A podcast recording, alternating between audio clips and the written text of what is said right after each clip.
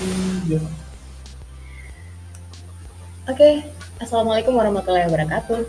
Selamat malam buat podcast di atas kasur. Kita kembali lagi, tapi kali ini benar-benar tidak di atas kasur, tapi kita di kediaman Bu Alifah. Beliau ini kebetulan adalah istri Pak Ijai, salah satu pejabat Jodin. Wah, terima kasih sekali Bu. Sudah ngasih waktu dan ngasih tempat space yang istimewa banget di malam hari ini. Kita kayak ngerasa beruntung banget nih malam hari ini. Baru datang kita langsung dikasih suguhan. Disuruh makan dulu gitu. Belum juga kerja. ya buat kamu nih yang pengen tanya-tanya, kita kebetulan juga live IG di sini. Kebetulan IG pribadi saya. Nah, buat kamu kita hari ini membahas tentang mental illness Bu ya. Tapi sebelumnya saya perkenalkan dulu, ini ada Bu Alifah. Kebetulan beliau ini adalah salah satu psikolog di RSUD. Nama lengkap beliau Ibu Hermina Sari SPSI MPSI psikolog. Panjang nggak tuh? Jadi kita langsung coba menyapa dulu nih. Assalamualaikum Bu. Waalaikumsalam. Sehat, Bu? Alhamdulillah sehat. Baik fisik maupun mental. Alhamdulillah. Ini kayaknya di tengah pandemi kita penting banget Bu ya buat eh, ngejaga kesehatan mental. Iya sangat sih karena kondisi pandemi ini me- memaksa kita untuk segera beradaptasi ya dengan perubahan atau keluar dari zona nyaman kita eh, sehingga eh, yang bukan cuman fisik yang harus kita siapkan tapi mental juga karena kondisi ini kebanyakan pada kondisi pandemi ini kan banyak orang yang mengalami down secara mental juga. Fisik mental karena dihadapi mereka apa ketidaknyamanan. Manusia kan kalau sudah sesuatu hal yang tidak nyaman mereka akan merasa harus berbuat apa segera beradaptasi atau tertelan atau terlindas dari kondisi tersebut. Hmm.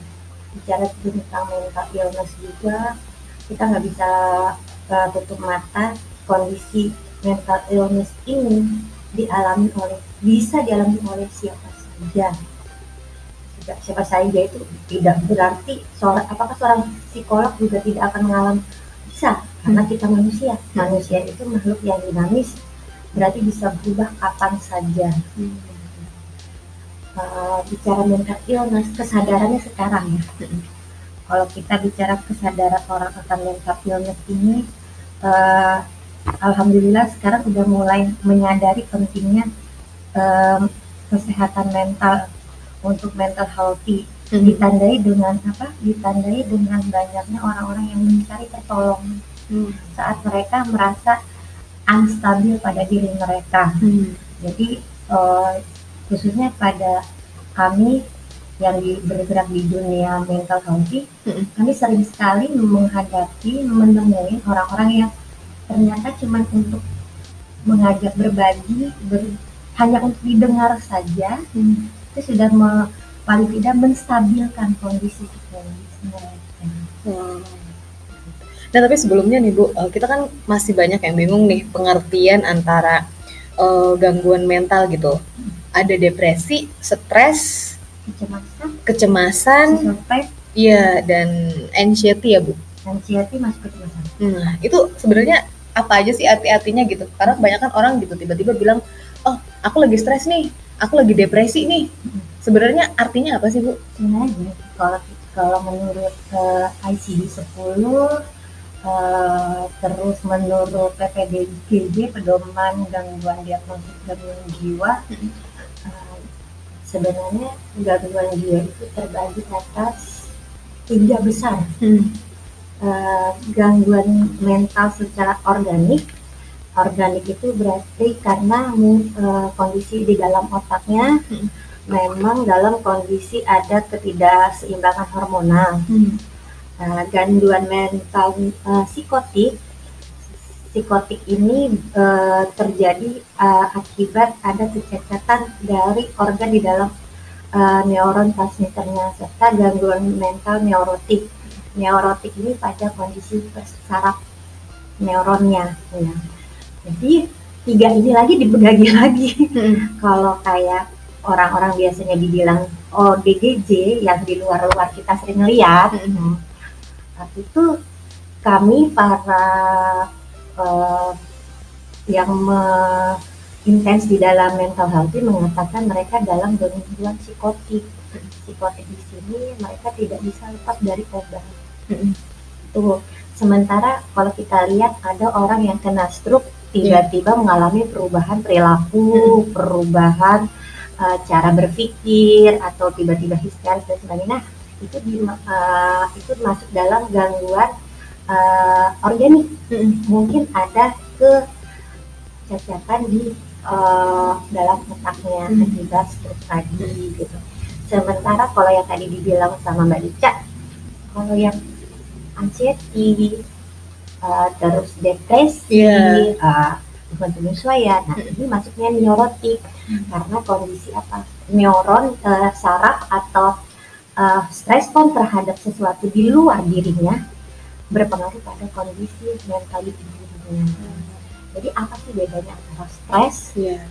ansietas, sama depresi? Depresi. Ini kalau kita bicara tentang stres, setiap kita punya stresor. Malah stres itu sebenarnya baik. Karena untuk apa? Untuk dia berani untuk survive dalam dirinya. Dalam arti setiap ada contoh di pekerjaan. eh, sebenarnya kan ya, saat eh, HRD mencari seseorang untuk bekerja di sebuah perusahaan, dia pasti mencari indikat yang kuat nggak sih dalam tekanan Mm-mm. karena kadang orang dalam kondisi tertekan itu dia eh, imajinasi atau intuisi segalanya itu muncul gitu loh. Itu dalam kondisi stres. Jadi stres juga kadang dibutuhkan. Ah, ah, de- dengan tapi stres ini juga terjadi karena kondisi unstabil kan, ketidakstabilan tadi. Karena kita akan untuk survive tadi. Kalau eh, ansietas sendiri, kecemasan, kecemasan itu adalah perpaduan antara kondisi stres ditambah dengan kondisi ke eh, lingkungan yang tidak memberi support yang baik. Itu kecemasan. Jadi cemas ini eh, adalah sebenarnya cemas itu adaptasi kita. Adaptasi kita terhadap kondisi stres tersebut sedangkan depresi depresi itu kita bisa lihat orang bahasa kasar gini orang terlihat tersenyum Mm-mm. padahal di dalamnya dia eh, Hancuran. hancur banget Mm-mm. gitu loh di co- kondisi depresi ini kalau kami bilang painnya bener-bener lukanya Ka- bahkan kalau orang bilang ah masa sih kamu cuma segitu aja depres Iya. Mm-mm. kalau kami di orang dunia uh, Medis. medis dan kesehatan mental tidak karena kondisi depresi ini orang dalam kondisi mereka luka loh gitu loh. luka tapi nggak berdarah kata Iya, iya. bahasanya kan gitu luka. Kondisi luka yang tidak berdarah ya yang ini harus kita sembuhkan dulu. Makanya kan kalau kita teman-teman yang penting bikin nyaman dulu deh. Iya. Eh, pasien datang kalau ke, ke kami pasien pertama dengan misalnya dalam kondisi eh, sexual abuse pasti dia stres Eh, stres dalam kecemasan aku harus ditanyakan bla bla bla bla Eh, tapi dia tidak bisa mem- mem- memahami kondisi dia dia kan tidak stabil sudah Iya. tidak stabil ditambah lagi lingkungan yang tidak support Hmm, support sistemnya nggak ada gitu. Iya, yang ada kamu sih pakai bajunya kayak gini, makanya kamu jadi dapat seksual abuse, kamu dapat yang berhakkah kita berkata seperti itu? Tidak. Kondisinya individu ini sudah dalam kondisi luka, ditambah lagi dengan support system yang tidak baik, semakin dia merasa semakin terluka lagi dalamnya, sehingga tidak jarang maaf ya selebgram yang baru-baru ini kita temuin di Bali ya. Iya, iya. eh, kelihatannya ceria. Saya lihat tuh browsing gitu beberapa hari. Dia joget-joget, dia Iya, punya dan bikin video. bikin video dan happy bla Iya, maybe di depan fisik dia dia tertawa, dia bahagia, tapi belakangnya kita tidak tahu apakah depresi ini sudah dia alami sudah lama, gitu. dengan tuntutan yang banyak, dengan eh, keinginan. Depresi di sini kan terjadi saat ekspektasi kita tidak sesuai dengan kenyataan, Harapan. iya kan? Mm-mm. ya kan kenyataannya gimana oh aku harus menjadi seseorang yang seperti ini ekspektasi kita Iya, kan iya. untuk diterima lingkungan saya harus menjadi yang eh, menjadi diinginkan lingkungan oh ternyata teman-teman saya fake semua saat Hmm. saya butuh cerita mereka tidak ada yang ada maaf awal-awal self harm melukai diri mereka sendiri Hmm. sekarang kalau kita tanyakan kepada mereka yang sering melakukan self injury atau self harm Mm-mm. apa sih yang didapatkan mereka berkata eh, di eh, tempat saya selalu pasien-pasiennya bilang ya bu sakit. Sakit kan dilukain tangannya kan mereka. Tapi sebenarnya kan bu ada Hatinya lebih luka. Hatinya lebih sakit tapi ada perasaan lega katanya. Lega itu sebenarnya pelampiasan dari rasa sakit yang di dalam yang di dalam masih sakit. Dan itu jadi suatu kebiasaan kebiasaan dan kebiasaan sehingga tanpa disadari kondisinya depresi semakin dalam. Dari yang di, eh, depresi itu ada tiga dari depresi ringan sedang langsung ke berat. Mm. ya tadi society. Karena dia nggak punya ini ya Ah. support system bu ya. tidak ada. Karena gini kondisinya support system itu juga dibentuk dari orang tua sebenarnya. Awalnya orang tua dan lingkungan. Orang tuanya gimana? Mensupport dia uh, saat problem solving ada permasalahan orang tua pernah nggak sih yang namanya bertanya kamu kenapa ada apa yang ada kamu sih kamu tuh nggak bisa kamu nggak survive sih dalam hidupmu Masa cuman gitu aja sedih? Iya. Hmm. padahal biarkan dia sedih kata-kata kamu sedih ya saya tahu kamu sedih rasakan dan itu yang terjadi Oke oke. itu yang sering Terjadi. uh, sangat terjadi di dalam uh, lingkungan in- orang-orang kita di Indonesia lah ya khususnya karena kalau orang-orang di luar mereka berani untuk mengungkapkan Hmm. untuk berkata sama Jujur, orang tua ya? jujur saya tidak eh, tidak nyaman dengan kondisi seperti ini seperti ini sementara kita di Indonesia kita lebih nyaman men- mencari keluar ke Hmm. teman sementara teman juga Kadang suka ember. ya kepercayaan kan Mm-mm. eh, tidak ada gitu loh Eh, yang ada apa yang jadi perma- eh, masalahnya teman-teman ini juga bukan teman-teman yang baik tapi teman-teman yang toksin ternyata Teman-teman yang cuman pengen tahu aja kepo Ah, aja, iya, kepo. nggak ada yang bener-bener respect gitu oh bu ya. iya Nah itu gimana ya bu caranya seperti selebgram yang beberapa waktu yang lalu yang di Bali itu yang bunuh diri gitu. Kayak Dia kan nge-display bahwa dia tuh happy gitu. Mm-mm. Nah itu kayak gimana ya kita orang sekitar atau orang tua atau saudara gitu biar tahu eh, kalau ternyata dia itu menyimpan satu masalah gitu, menyimpan sesuatu gitu.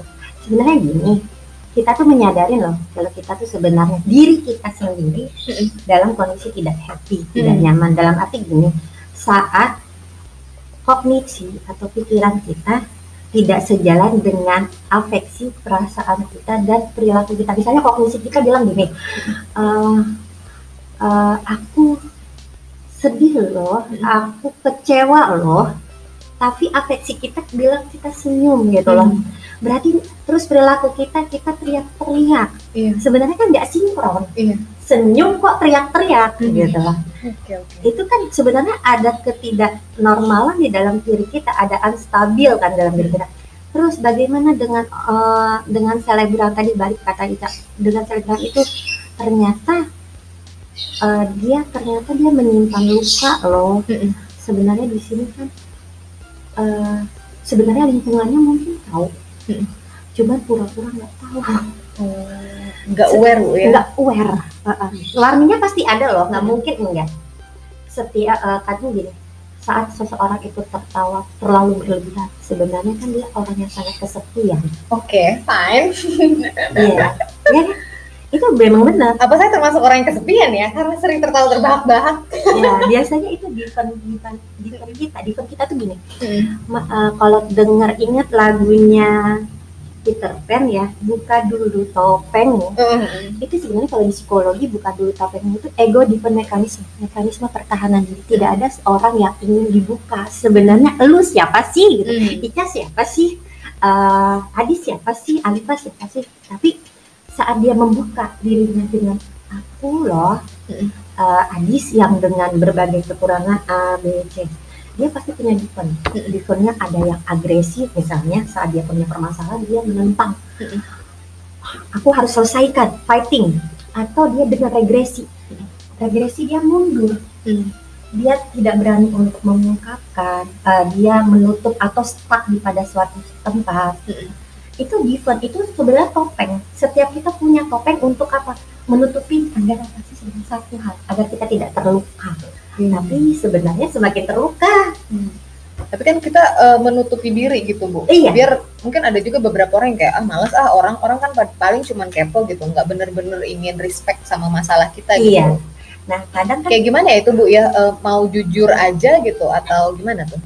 Karena gini, karena gini cak uh, saat kita bilang uh, ih paling mereka cuma kepo, karena mungkin saat kita berpikir man mereka cuma kepo. Kita pernah kecewa dengan kepercayaan. Hmm. nah itu yang menyebabkan kita belajar tadi different lagi kan? Sehingga ah, lu lu nggak bakalan bisa cerita sama gue. Uh, gue gak bisa cerita sama lu karena lu bakalan sama seperti teman-teman gue yang lain. Hmm. itu kan belajar itu kan akibat lingkungan juga lingkungan yang membuat kita untuk belajar untuk berperilaku seperti apa lingkungan mau. Hmm. Sini kita nggak jadi diri kita benar-benar jadi diri kita.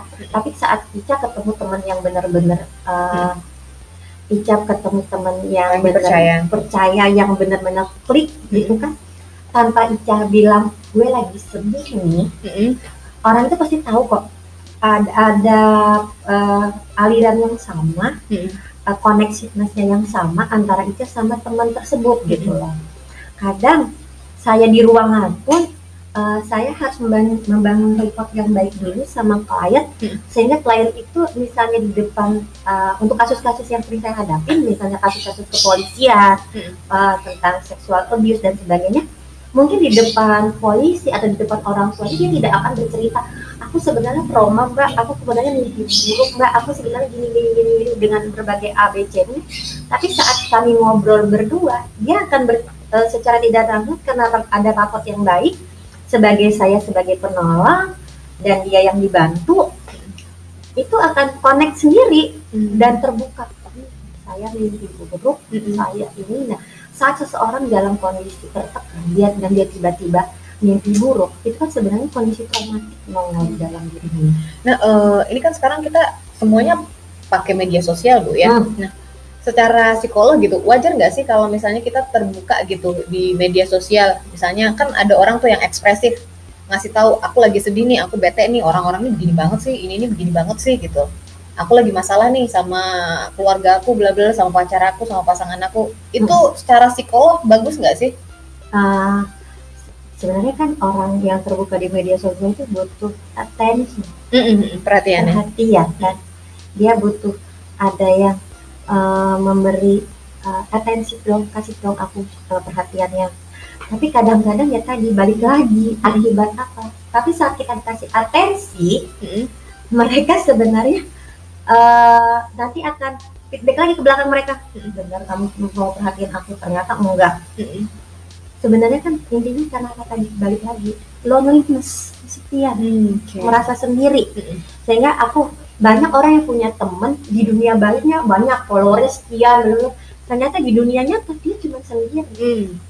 I'm gitu hmm. jadi dia menjadi orang lain di, di dunia maya untuk bisa diakuin keberadaannya hmm. banyak juga kan sekarang kalau kita lihat di TikTok uh, sel, uh, apa Instagram pokoknya media sosial hmm. orang-orang hmm. yang melakukan perbuatan-perbuatan yang ingin dianggap viral yeah.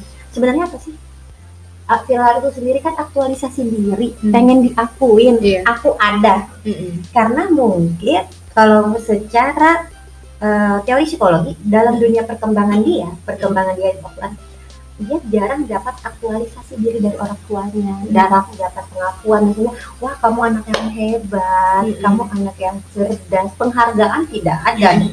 sehingga dia mengharapkan itu di dunia maya, maya. kalau kita bicara dunia sosial kan dunia sosial uh, media sosial juga karena menjadi toksin ya mm-hmm. karena banyak juga yang maaf kata melakukan society pun live iya iya, ya? iya betul ada banyak ya, saya nemuin juga terus kayak yang kasus bully mm-hmm. ternyata tidak ada pembulian tapi dia mengaku beberapa tahun yang lalu terus rame viral mm-hmm. oh dia berasa bahagia ini aku dapat pengakuan bla ternyata apa uh, teman-teman kami menganalisa ada sesuatu yang salah pada anak tersebut. Hmm.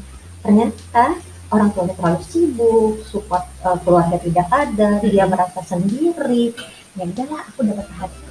Sampai perhatiannya kan sampai ke KPAI segala iya, iya, kan. Iya. Waktu pas pembulian iya. yang di Kalimantan Barat ya, kalau nggak salah beberapa tahun yang lalu kan. Nah, itu terjadi kondisi-kondisi tersebut dan kita tidak bisa menutup mata bahwasanya uh, banyak sebenarnya gangguan psikologis atau mental illness ini nggak bisa lepas dari diri kita masing-masing. Kita udah self love nggak sih sama diri kita? Kita udah cinta self love di sini bukan cuma gue cinta nih sama diri gue, tapi kita bisa terima nggak baik buruknya kita? Terus lebih baiknya yang mana bu ya? Apa kita um, ekspresif di media sosial atau uh, enggak gitu? Atau ada solusi lain gitu? Karena ada juga kan orang yang kayak kata, kalau kata ibu tadi ya udah kamu terima aja emosi kamu. Karena beberapa orang kan ada yang tidak menerima emosinya dia. Dia tidak menerima kalau dia dalam kondisi terpuruk hmm. lagi kondisi sedih gitu. Akhirnya dia uh, bikin gimmick bahwa aku baik-baik aja. Hmm. karena udah nggak tahan lagi akhirnya dia uh, mencoba untuk ada yang bunuh diri segala macam melukai dirinya. Nah kira-kira solusi yang bagus kayak gimana tuh? Ah solusi yang bagus ya untuk mereka udah belajar untuk acceptance nggak sama dirinya? Mm -mm. Sama itu mm. sebelum kita bicara self love karena tadi kalau kita acceptance ya oh iya saya lagi uh, saya lagi terpuruk mm.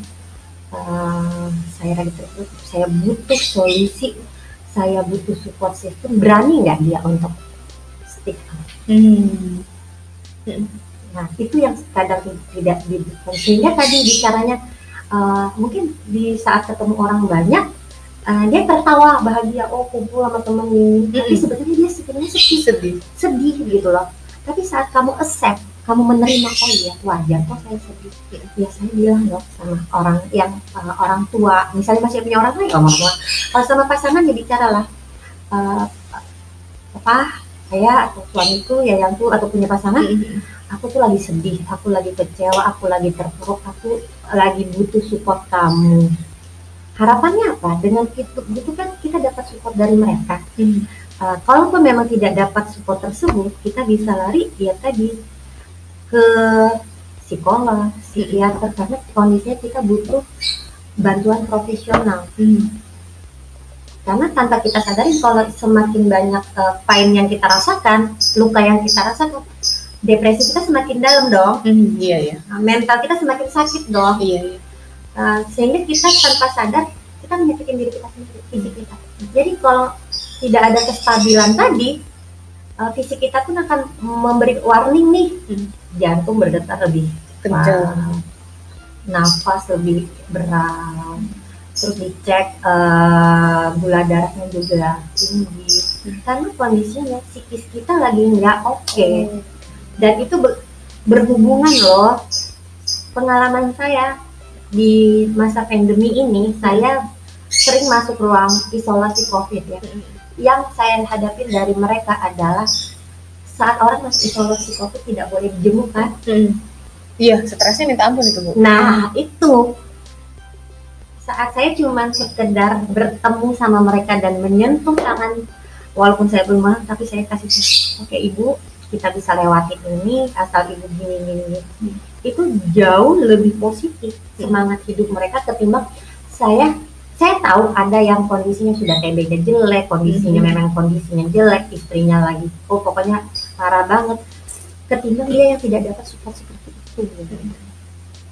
Dan itu memang terjadi. Kadang manusia uh, itu cuma butuh didengarkan iya. tanpa perlu kamu kasih saran apa pun. Hmm. Yang penting dengerin aja dulu.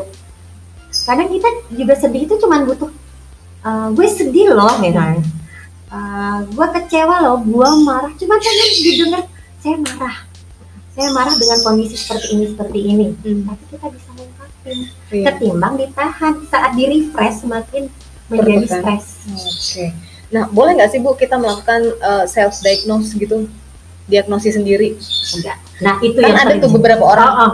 aku lagi stres nih bisa nggak ninggalin aku dulu Uh, Boleh nggak sih kita kayak gitu? Kalau kita bicara cuma sekedar stres aja, mm-hmm. oke. Okay. Mm-hmm. Uh, mungkin aku lagi nggak stabil saat ini, kondisiku lagi unstabil, uh, moodku lagi jelek nih, mm-hmm. biasanya gitu kan. Yeah. Iya.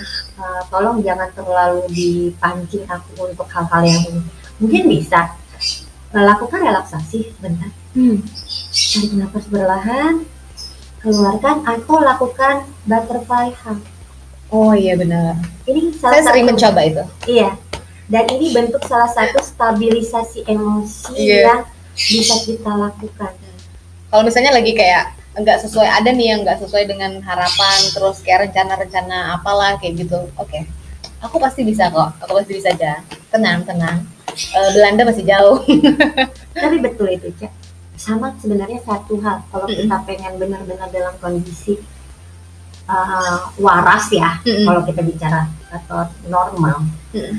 mungkin setiap malam kita lakukan adalah yang saya lakukan sama Mm. Liva pun sering kali Liva lakukan memaafkan dan menerima yang terjadi pada diri kita. Memaafkan di sini adalah bukan memaafkan orang di luar sana, tapi memaafkan maaf ya, uh, Ica misalnya maaf ya Ca, kamu uh, tadi mungkin sudah terlalu capek, maaf terima kasih ya Ca. Kita apresiasi diri kita dulu. Kadang kita tuh terlalu ingin diapresiasi oleh orang luar Sampai dengan- lupa mengapresiasi diri sendiri ya Bu ya. Nah, itu itu untuk mengkondisikan dalam kondisi stabil atau normal. Mm. Sehingga apa saat kamu bilang sorry atau I'm sorry, thanks, uh, terima kasih untuk diriku hari ini. Kamu sudah berjuang sampai hari ini. Itu akan meningkatkan mood dan imunitas kita besok hari. Oke.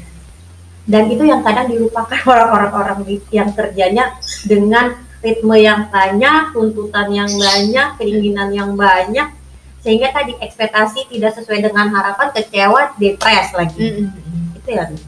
Jadi ini ya Bu ya, sebenarnya itu adalah hal simple gitu yang bisa kita Iya. lakuin. Tapi kalau misalnya tiba-tiba dalam hati muncul gitu, ah apaan sih, Eh, nggak penting banget deh. Kayak misalnya muncul itu udah depresi parah nggak sih Bu? Kayak misalnya nih kita pengen juga nih yang kayak, oke terima kasih diriku sudah melakukan Hmm. hal ini, tapi kayak tiba-tiba terbesit dalam hati kayak, apaan sih itu nggak penting banget deh. Itu dia lagi kondisi stres nggak sih Bu kalau kayak gitu? Iya, uh, dia kondisi lagi uh, unstabil, dia Mm-mm. kondisi uh, boleh dibilang tadi dalam tanda umum tidak dalam kondisi normal atau ya karena saat kondisi berarti kognisinya bilang uh, negatif talk dong. Apaan sih kamu kayak gitu? Ngapain kamu mengapresiasi diri kamu sendiri? Orang gil dan kalimat-kalimatnya itu kan sebenarnya dia langsung menjustis dirinya lagi. Tanpa sadar dia melukai dirinya lagi, merepress yang semestinya dia up Oke.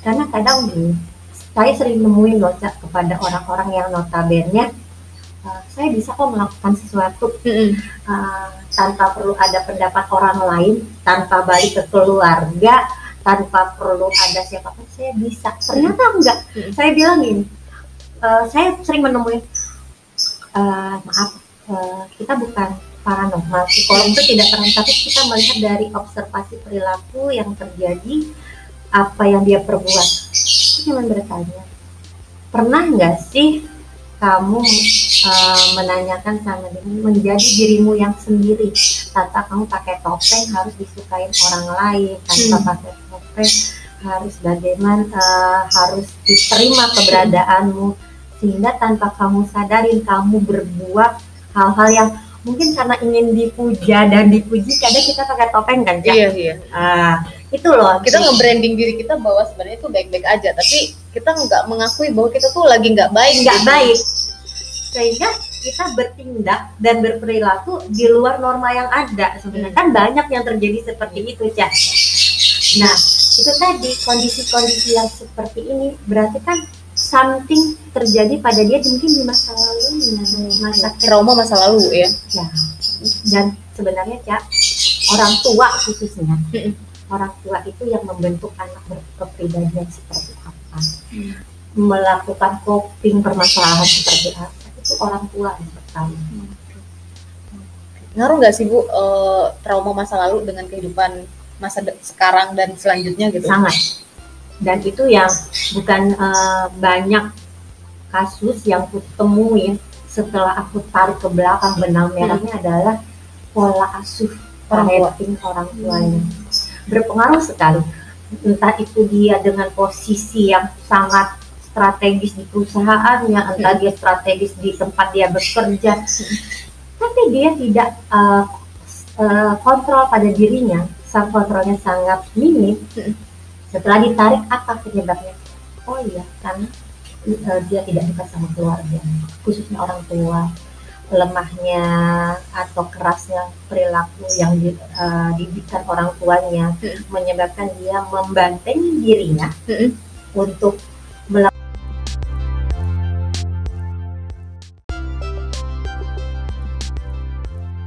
hal-hal di luar batasnya. Hmm. Ya kan, Cak? Iya. Nah, itu ternyata uh, orang tua orang tua itu sangat sangat kunci dalam pembentukan kepribadian anak. Oke. Ini milenial milenial anak-anak muda zaman sekarang kan ternyata juga uh, banyak yang menderita uh, depresi gitu. Hmm. Terus uh, gangguan suasana hati ya Bu namanya. Saya ada searching gitu di Google 6% orang yang berusia 15 tahun ke atas itu menderita gangguan suasana hati seperti depresi dan kecemasan. Hmm. Nah, sekarang ini kan banyak anak muda yang kayak ngerasa uh, kalau ke psikolog itu malu gitu bu hmm. kayak mereka takut jangan-jangan ntar aku dikira gila gitu. Masih banyak anak-anak muda yang menutupi bahwa sebenarnya dia itu lagi kondisi stres gitu lagi pusing tapi dia nge-branding dirinya kalau dia tuh lagi gak baik saja gitu ya. baik-baik aja.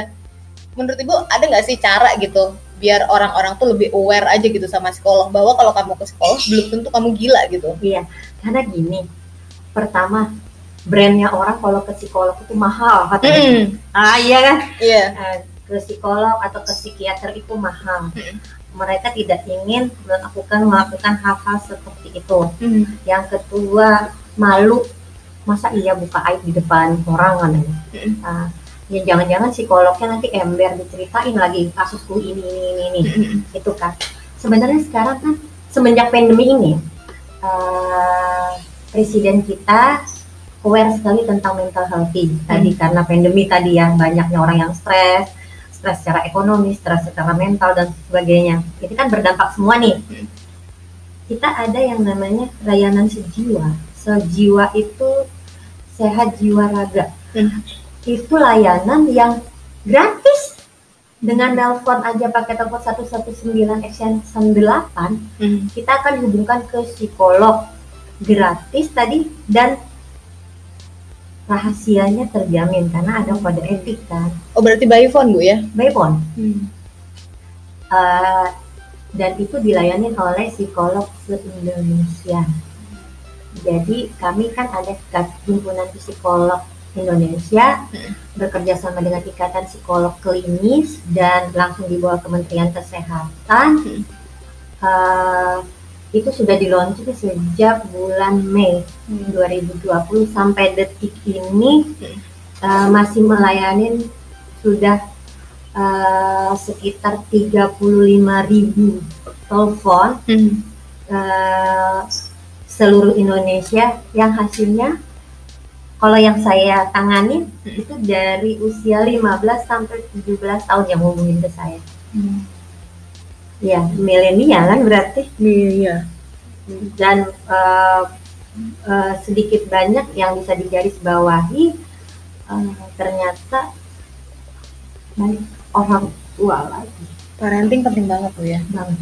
Uh, berarti penting juga kali bu ya konsultasi psikolog gitu atau belajar parenting atau ikut seminar atau apalah gitu hmm. sebelum kita menikah gitu. Betul. Sebenarnya gini tadi aku diskusi sama Ali Pak. Kadang kan Pak juga diskusi. Mama katanya menikah itu kapan sih? Sebenarnya bukan berapa usiamu sekian kamu hmm. harus menikah dengan tuntutan di di masyarakat kan gitu nih. Di, di atas 25 dulu apalagi sudah ini pasti tuntutan dokternya begitu sih. Tidak menikah dengan bla bla bla. Tapi menikahlah saat kamu benar-benar selesai sama diri kamu. Wah ini keren sih. Ini mungkin next podcast kali bu ya. Um, psikolog sebelum nikah gitu. Iya. Selesai sama diri kita itu apa? Bicara selesai. Mm -mm. nanti kita udah melewati fase-fase kayak senengnya diri menyenangin diri kita mm -mm. Uh, sedihnya diri kita membahagiakan diri kita sendiri tertawa, menangis, marah. Untuk diri kita sendiri. Udah udah selesai kita sampai itu semua. Sehingga saat kita menjalin sebuah koneksi, karena menjalin sebuah relationship hmm. sama pasangan, kita bisa bahu membahu nih memperbaiki gimana sih caranya biar apa? Pertama mencegah yang namanya perpisahan. Yang, iya mencegah. Yang kedua mencegah dengan adanya perselingkuhan kita nggak bisa tutup mata loh cak. Karena Iya. menikah ini kita nggak bicara tentang kalau orang pacaran bosen pisah wes gitu kan. Iya, Wah, ganti lagi. Ini dua keluarga nih. iya kita menikah ya nggak mungkin dong. Saya bosen sama kamu udah kita bisa aja. Apa kabar dengan anak Iya, itu kalau udah punya anak itu ya. kalau punya anak. Kalau belum punya anak bagaimana caranya kita menyelesaikan permasalahan itu kan sudah selesai nggak dulu sama diri kita kalau kita udah selesai sama diri kita menikah jalannya itu lebih nyaman ketimbang kita ngikutin keinginan orang-orang di luar nuntut eh, karena usia sudah gini terus di temen yang di sana, wih kamu udah nikah, dia aja udah punya anak sekian. Oh saya juga ngikutin gitu ya. Anak saya baru usia eh, 10 tahun. Teman saya yang seusia saya anaknya sudah SMP, SMA lebih banyak bilang kadang kalau kayak gitu akan ada yang ada ekspektasi kita terlalu tinggi lagi, kecewa lagi, stres lagi, ya nggak? Next kita bakalan ngebahas itu kali Bu ya. Iya. Eh, tentang eh, psikolog untuk orang yang sebelum menikah gitu. Penting nggak sih ilmu psikolog gitu dulu sebelum kita menikah Kalau gitu? di agama Katolik Mm-mm. mereka sebelum menikah kan ada eh, pelatihan sekitar tiga bulanan ya kalau nggak Mm-mm. salah Mm-mm. yang mereka diajarkan untuk menyelesaikan permasalahan-permasalahan eh, Rumah tangga. rumah tangga. Nanti kalau kamu nikah, kamu akan hadapi permasalahan ini, ini, ini, ini. Nah, eh, di Islam eh, ada sih eh, penataran keempat tentang pernikahan juga. Cuman kata yang saya dapat informasinya kadang-kadang orang cuma dikasih buku nih baca gitu doang. Sementara literasi orang Indonesia tahu Iya. sendiri ya kan. Kalau kita bicara literasi loh Cak ya. Ah, untuk membaca orang Indonesia itu paling males ya Iya, di- banget. dikasih itu yang terjadi Cak. Oke, baik. Eh, terakhir nih Bu, Em, kira-kira ada nggak sih tips kiat khusus buat para milenial gitu, buat kita para anak muda yang ternyata eh, tingkat stresnya itu lumayan besar gitu para anak muda. Apalagi sekarang gaya hidup juga sepertinya orang-orang pada meningkat Bu ya. Kadang suka ngebandingin lah, apalagi sekarang semuanya bermedia sosial ngebandingin hidup A dengan B. Yang satu mungkin pakai handphone A harus upgrade lagi nih gitu, sampai nuntut orang tua yang sebenarnya eh, orang tua mungkin biasa-biasa aja gitu Betul. hal sepele akhirnya dia stres sendiri ada nggak sih bu suges buat kita para anak muda gitu Sebenarnya paling mudah gini. eh, kadang ti- bukan apa yang kita inginkan. Kalau kita bicara apa yang kita inginkan ya, selalu kita ingin semuanya nih yang bagus. Tapi sebenarnya balik ke diri kita, semampu apa sih kita untuk menerimanya? Mm. Itu yang pertama. Yang kedua, saat kita milenial dalam kondisi stres, yang paling mudah itu tadi kata saya, butterfly heart, lakukan stabilisasi dengan nafas karena secara tidak langsung saat kita stabilisasi emosi dengan butterfly heart itu kita sedang mengatur nafas kita kita sedang mengatur oksigen yang masuk dan itu akan membantu kita menggelombang otak yang dari beta ke alfa itu akan mulai menurun kan? Akan apa ada perasaan lebih tenang gitu. Kalaupun memang tidak bisa dengan melakukan relaksasi karena kondisinya kurang bisa fokus, saya sering memberikan treatment kepada uh, anak-anak muda kan anak-anak muda lebih karena literasi tadi dia kurang banyak literasi kurang mau lah ya Hmm. literasinya sangat kurang kasih mandala aja mandala itu gambar Hmm. yang bisa kita kasih warna saya pun kadang kayak gitu di ruangan Hmm. itu sebenarnya adalah uh, rilis yang paling mudah untuk mengatasi kondisi emosi pada diri jadi bisa sebenarnya yang dibutuhkan dalam saat kita dalam kondisi unstabil adalah meriliskan Hmm. Mengeluarkan mengekspresikan lah bahasanya kalau kata Ica kan. Gimana sih kita mengekspresikan meriliskan?